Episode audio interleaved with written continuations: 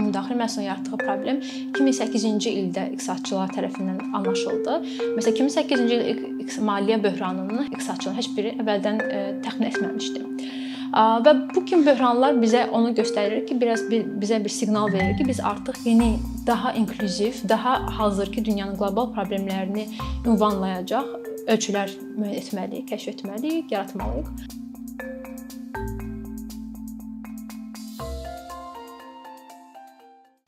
Qərar vericilər, siyasətçilər və iqtisadçılar qərar verməzdən öncə iqtisadi artımı ölçmək üçün müxtəlif göstəricilərdən istifadə edirlər. Bu göstəricilər göstəricilərin içərisində ən geniş yayılmış GDP-dir, yəni ki, ümumdaxili məhsuldur. Ümumdaxili məhsul ilk dəfə 1934-cü ildə Simon Kuznets tərəfindən təklif olunmuşdu. Bu iki dünya müharibəsi arasında iqtisadi durğunluq zamanı ümumi ümumi, yəni qlobal bir göstəricinin yaranmasını yaranmasına doğan ehtiyac ehtiyac idi. Və Kuznetsin 1934-cü ildə yazdığı bu ABŞ Konqresi üçün yazdığı hesabatda istifadə etdiyi e, bu GDP, yəni ümumdaxili məhsul zamanı özü də qeyd edirdi ki, əslində bu uzun müddətli göstərici deyil, onu müvəqqəti istifadə etmək lazımdır və e, səbəb odur ki, bu göstərici iqtisadi artımı özündə ehtiva edir və e, iqtisadi artımın təbiətə vurduğu ziyanı və yan təsirlərini, effektlərini ümumiyyətlə özündə ehtiva etmir. Lakin Kuznetsin göstəriciləri göstəricisi daha uzun müddətli oldu və 44-cü ildə Bretton Woods konfransından sonra demək olar ki, bir çox dünya ölkələri tərəfindən qəbul olundu və indiyə qədər də çox dominant bir göstəriciyə çevrildi. Ümumdaxili məhsul ölkələrdə bir il ərzində istehsal olunmuş məhsul və xidmətlərin bazar dəyərini ölçürdü.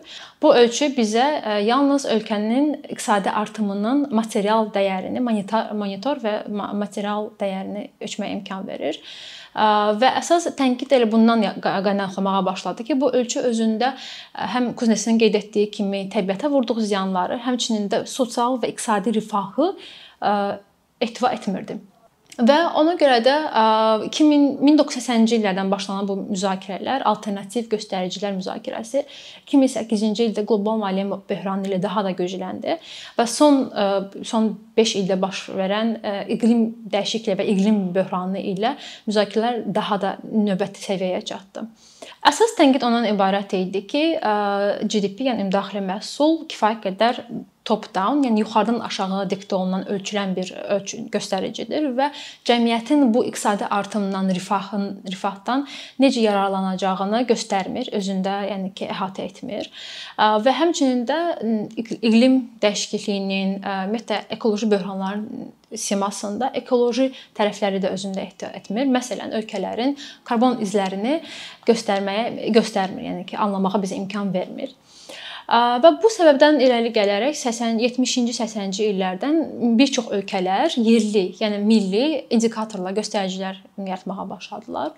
İlk cəhdlərdən biri 72-ci ildə Butan krallığının xoşbəxtlik indeksi cəhdi idi. Bu indeks düzdür, çox geniş yayılmasa da indiyə qədər Butan tərəfindən istifadə olunur və ölkənin, cəmiyyətin rifah qavrayışını ölçməyə çalışır. Digər geniş cəhdlərdən biri genuine progress indicator idi. Yəni həqiqi proqres, həqiqi rifahı ölçməyə çalışan bir göstərici idi. Bu göstərici ekoloji iqtisadçılar tərəfindən təqdim olunmuşdu belə dünya ictimaiyyətinə. Lakin neoklassik iqtisadçılar tərəfindən çox böyük qəzəblə qarşılandı. Çünki onların əsas arqumentləri o idi ki, bu indikator yalnız ekologiya tərəf yönəlib və iqtisadi artımı ölçməyə imkan vermir. Buna baxmayaraq bu indikator müəyyən müddət istifadə olundu və indiyə qədər də Avropa İttifaqı və Finlandiyada məsələn hər il onlar bu indikator üzrə hesabatlar təqdim edirlər.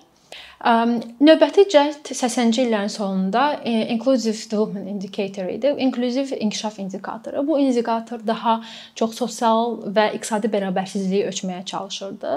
Bunun indikatorun tərkibində həmçinin gender bərabərsizliyi, gender ödənişlərində fərqlər, kasıb yoxsulluğun bərabər paylanması və s. bu kimi göstəricilər daxil idi.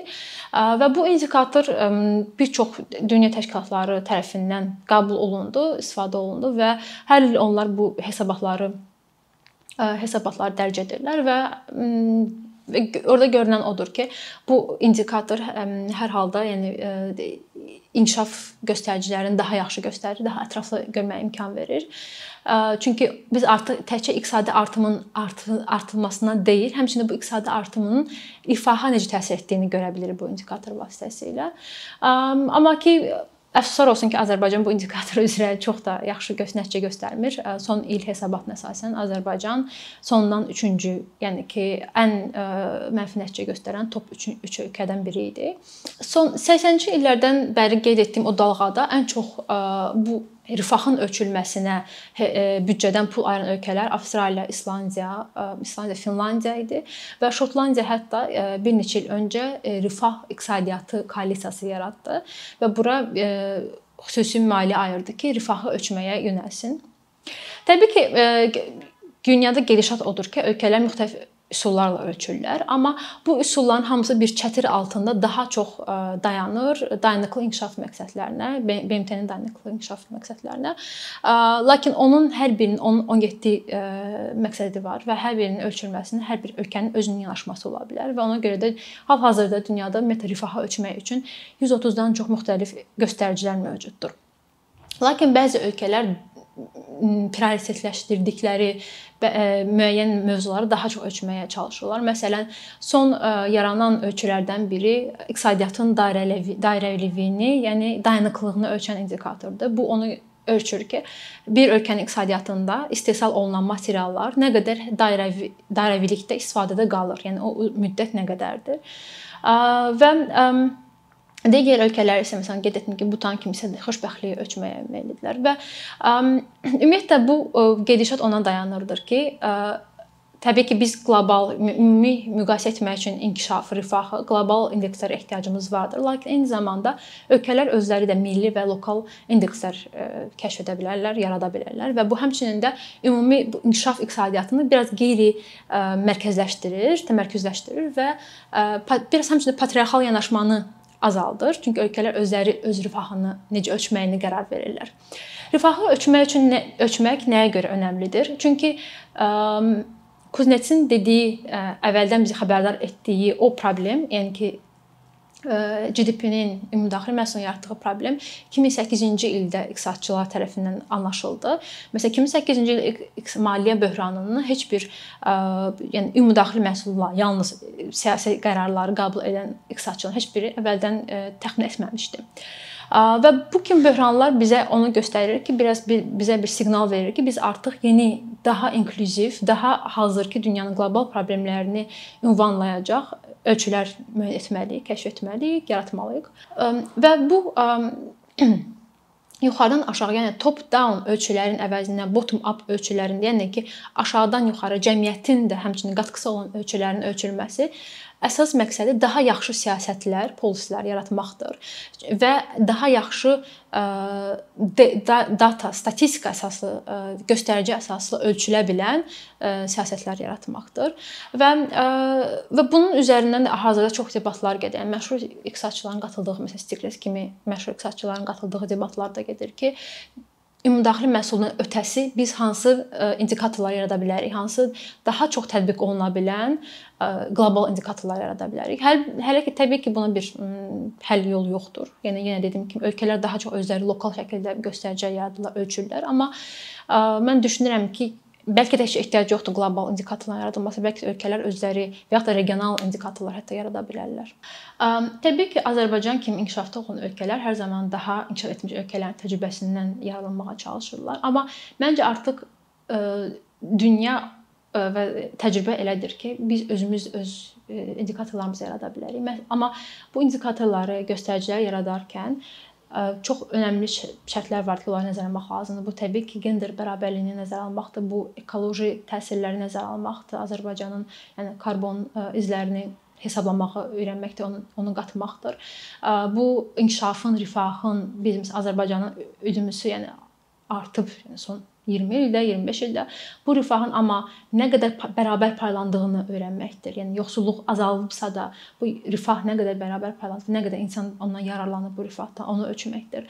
Hansı ki, yəni Azərbaycan özü ölçmür bu bu göstəriciləri. Biz yalnız beynəlxalq hesabatlardan bu göstəriciləri də edə bilərik. Və həmçinin də qeyd etdiyim kimi cəmiyyətin rifahı qavrayışı, yəni ingiliscə perception deyirik ona. O çox əhəmiylidir onu ölçmək. Nəyə görə? Çünki biz topdan, yəni yuxarıdan aşağı dövlətin ölçdüyü göstərici bir fərqlidir. Digər göstəricilər isə fərqli ola bilər. Bu işi məsələn CRRC, yəni Qafqaz Araşdırmalar Mərkəzi uzun müddət edirdi Qafqaz barometri çərçivəsində. İnsanların müəyyən qavrayışlarını ölçməyə çalışırdılar və məncə bu göstəricilər məsələn ölçməsi davam edilsə çox yaxşı ola bilər və bizim artıq özümüzün yerli istehsal olunmuş indikatorlarımız, göstəricilərimiz ola bilər.